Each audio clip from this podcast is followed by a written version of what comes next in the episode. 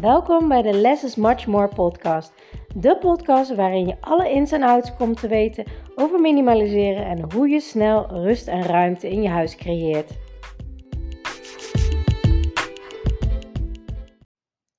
Super leuk dat je weer luistert. En de podcast van vandaag gaan we het hebben over waarom het ontzettend belangrijk is om tijdens je minimaliseerproces foto's te maken. Het eh, werkt op meerdere aspecten en ik heb dat zelf ervaren tijdens mijn minimaliseerreis dat het heel erg belangrijk is uh, om vooral heel veel voorfoto's te maken en ook na-foto's, want dan zie je enorm die shift. Je voelt het wel, je weet wel dat er veel veranderd is, maar eigenlijk kan je niet zo vaak heel goed terugdenken aan hoe het nou eigenlijk was. En dan soms denk je van ja, ik heb wel veel gedaan, maar nou, het valt wel mee, het is wel oké. Maar als je dan de voor- en na-foto ziet, ja, dan kun je echt zien dat je enorm hard hebt gewerkt, een enorme shift hebt gemaakt. En dat echt een wereld van verschil is. Je voelt het wel, maar je vergeet het een beetje. Dus dat werkt altijd heel erg goed. Ehm, en wat ik ook heb gemerkt is dat um, vaak aan spullen herinneringen hangen. En ook, daarom zeggen ook vaak heel vaak huisgenoten van ja, maar waarom gooi je dat nou niet weg? En uh, waarom staat dat hier nog? En uh, um, zo moeilijk is het toch niet om te minimaliseren, maar dat is het uh, vaak wel.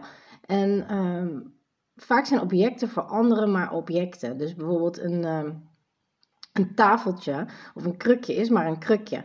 Um, in de meeste ogen, want dat is nou eigenlijk wat het echt is.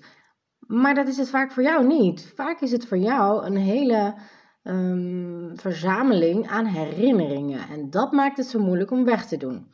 Dus als eerste is het belangrijk als jij twijfelt over spullen, is het altijd heel slim om een gratis keuzekaart te downloaden op mijn website of uh, via link in bio op mijn Instagram. Want die maakt het keuzes maken al super, super makkelijk voor je. Omdat het namelijk heel veel um, belemmerende overtuigingen wegminimaliseert. Het is een makkelijk stappenplan. Je kan een aantal vragen volgen en daarna weet je gewoon al of je het wil houden of niet. Um, en het is ook altijd heel belangrijk om helemaal terug naar de basis te gaan. Wat heeft het voor functie? Wat is het nou eigenlijk? Gewoon echt heel alsof een buitenstaander naar dat object zou kijken. Nou, het is gewoon een, een, een krukje bijvoorbeeld. Um, het is van een bepaald soort materiaal. Waar gebruik ik het voor? Weet je, op die manier vult hij het helemaal terug naar de basis. Altijd terug naar de basis gaan. En daarna, als je dan toch nog moeilijk vindt om hem weg te doen, als je hem niet gebruikt of bijna nooit, dan ga dan een laag dieper. Ga dan kijken van ja, maar waarom vind ik het nu zo moeilijk om weg te doen? Want ik gebruik het niet meer. Want ik vind het heel belangrijk dat er alleen nog maar spullen in je huis staan waar je blij van wordt, die je gebruikt en die nuttig zijn. Eén van die drie moet het gewoon aan voldoen. Voldoet het niet aan één van die drie, dan gaat het gewoon weg. Um, met een kleine kanttekening dat als alles in je huis zit waar je blij van wordt en je huis is nog steeds te vol, ja, dan zul je echt moeten gaan schrappen. Dan moet je echt gaan kijken waar word ik het meest blij van. En dan ga je het begrenzen met een aantal objecten, bijvoorbeeld maar één kast met spullen in plaats van drie. Of um, maar 20, uh, 10 knuffels in plaats van 20. Weet je, op die manier. En als je dan zegt, ja, maar ik vind ze allemaal leuk. Nou, allemaal leuk, dat bestaat gewoon niet. Er zijn altijd dingen die je leuker vindt. Um, stel je eens voor, er staat een, een rij met, uh, met drie mannen of drie partners. En uh, jouw man staat ertussen of jouw partner. Dan is er altijd één de allerleukste. Nooit, ja, ze zijn alle drie wel leuk. Natuurlijk zijn ze misschien alle drie wel leuk om te zien. Maar er is altijd één die je dan kiest. Um, en zo werkt het met spullen dus ook. Dus kies wat jij het allerbelangrijkste vindt in je huis. Maar dus even terug te komen op die laag dieper. Uh, waarom vind je het moeilijk om weg te doen? Ook al word je er niet meer zo blij van. Je gebruikt het eigenlijk nooit en nuttig is het helemaal niet. Wat zit daar dan onder?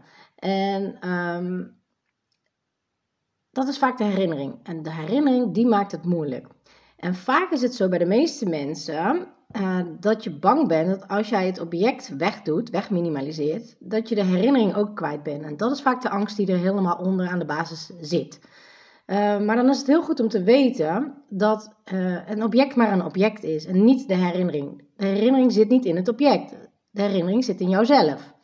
Maar het wordt getriggerd door het object. Dus op het moment dat jij het object ziet, het tafeltje of stoeltje, dan wordt de herinnering in je brein getriggerd, waardoor je aan die herinnering denkt. Maar je brein is heel uh, mooi in elkaar gezet, uh, want stel dat jij daar een foto van maakt, je doet het object weg, want je wil het niet meer in je huis hebben, maar je wil wel de herinnering bewaren, dan werkt je brein precies hetzelfde. Je kijkt naar de foto, je ziet het object, je herinnering wordt getriggerd. Dus het brein maakt geen onderscheid in dat het fysiek voor je staat of dat het op een foto staat. Dus dat zijn wel um, dat zijn echte herinneringen die er dus aan zitten. Dus maak foto's. Maak heel veel foto's. En ehm, bewaar die foto's dan in je herinneringendoos. Want dan kan je toch die herinnering terughalen. Maar je hoeft niet fysiek het object te houden. Tenzij het om een andere trigger gaat. Dus bijvoorbeeld een poppetje waar bepaalde parfum op zit gespoten. En die parfum, die triggert jou aan een herinnering die je heel belangrijk vindt. Ja, dan kan je hem uh, moeilijk wegdoen, want als, dan doe je ook meteen die geur weg, die parfumgeur. Dus is dat de herinnering die eraan gekoppeld zit. Dus op die manier moet je dat um, helemaal gaan uitfilteren naar de basis van, ja, maar wat vind ik belangrijk? Waarom wil ik het houden? Wat ligt daaronder? En bepaalde ook een bepaald aantal objecten voor. En als je met meerdere mensen samenwoont, ja, dan zul je ook rekening moeten houden met iemand anders uh, herinneringen of objecten. We hebben hier bijvoorbeeld een huis, en dat is eigenlijk een alle huis mee verhuis, een spuuglelijk klein rotan krukje staan uh, van mijn man. En uh, ja, die kan ik wel weg willen minimaliseren, maar daar mag ik niet over beslissen, want dat is niet van mij. Ik kan wel zeggen, ja, dat lelijke ding moet huishouden, want ik zie alleen maar een krukje, past niet bij mijn interieur, ik vind het niet mooi. Um, eerst heeft het heel lang op een, op een zolder gestaan. Toen gingen we uiteindelijk naar, minima, naar een uh, tiny house. Toen heeft het als uh, nachtkastje uh, functie gedaan. En, ehm, dus we hebben er wel een functie voor bedacht. want ik vind wel, herinnering moet je niet op zolder bewaren. Die moet je kunnen zien. Um, buiten dan een herinnering dus met foto's en zo. Um, voor de rest moet je het kunnen zien. De objecten moet je kunnen zien, want dat geeft jou blijdschap, geeft jou joy. Als je daarnaar kijkt, word je er blij van. Dus zet het als een soort vitrinekast neer. Zet het in je vensterbank neer. Een aantal objecten, niet te veel. Of roleer het. Ja, dus dat je er twee of drie in je vensterbank zet en roleer het twee weken later met drie andere dingen. Dus niet dat alles helemaal vol staat. Um, maar goed, om even terug te komen op dat lelijke krukje dus. Ja, wat mij betreft mag hij elke verhuizing wel weg. Uh, en nog steeds. Maar ja, weet je, het is, het is van mijn man. Dus prima. Als hij daar blij van wordt, dan moet, hij dat, uh, dan, dan moet ik dat accepteren. We wonen hier met z'n allen in huis. Um, waar we ook wel gewoond hebben, ook in een tiny house. Ja, weet je, als hij dat belangrijk vindt, dan um, zoeken we daar gewoon een functie voor. Punt. En in dit huis hebben we de functie ervoor gevonden om in de woonkamer um, een plant erop te zetten. Met een beetje dezelfde soort kleurpot. Dus dan, ja, dan past het wel.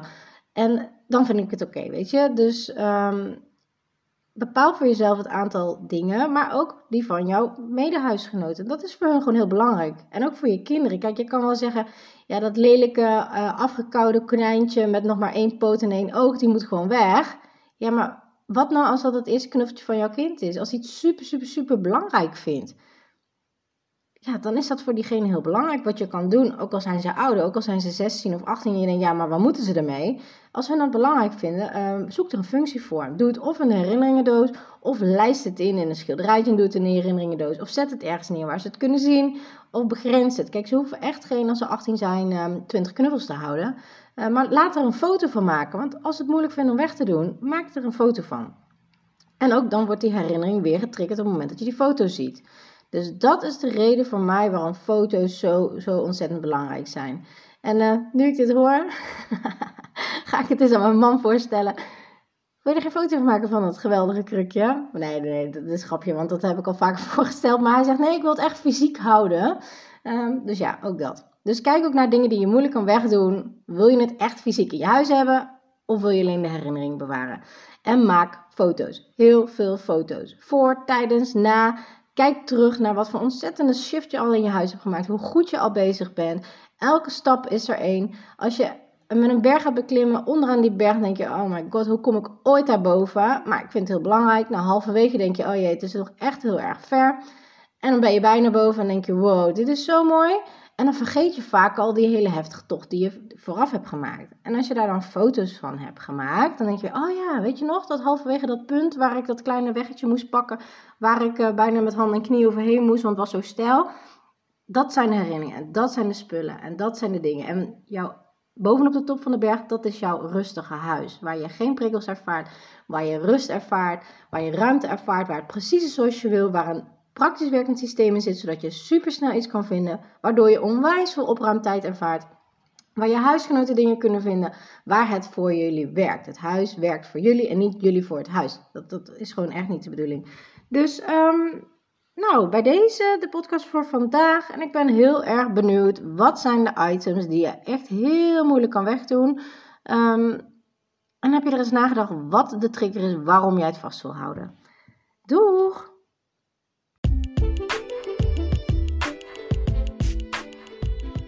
Superleuk dat je naar deze podcast hebt geluisterd. Ik hoop dat ik je mee heb kunnen inspireren en motiveren. laat me vooral in mijn DM weten in, op Instagram of deel het in je stories wat je uit deze podcast uh, hebt gehaald en wat je gaat toepassen.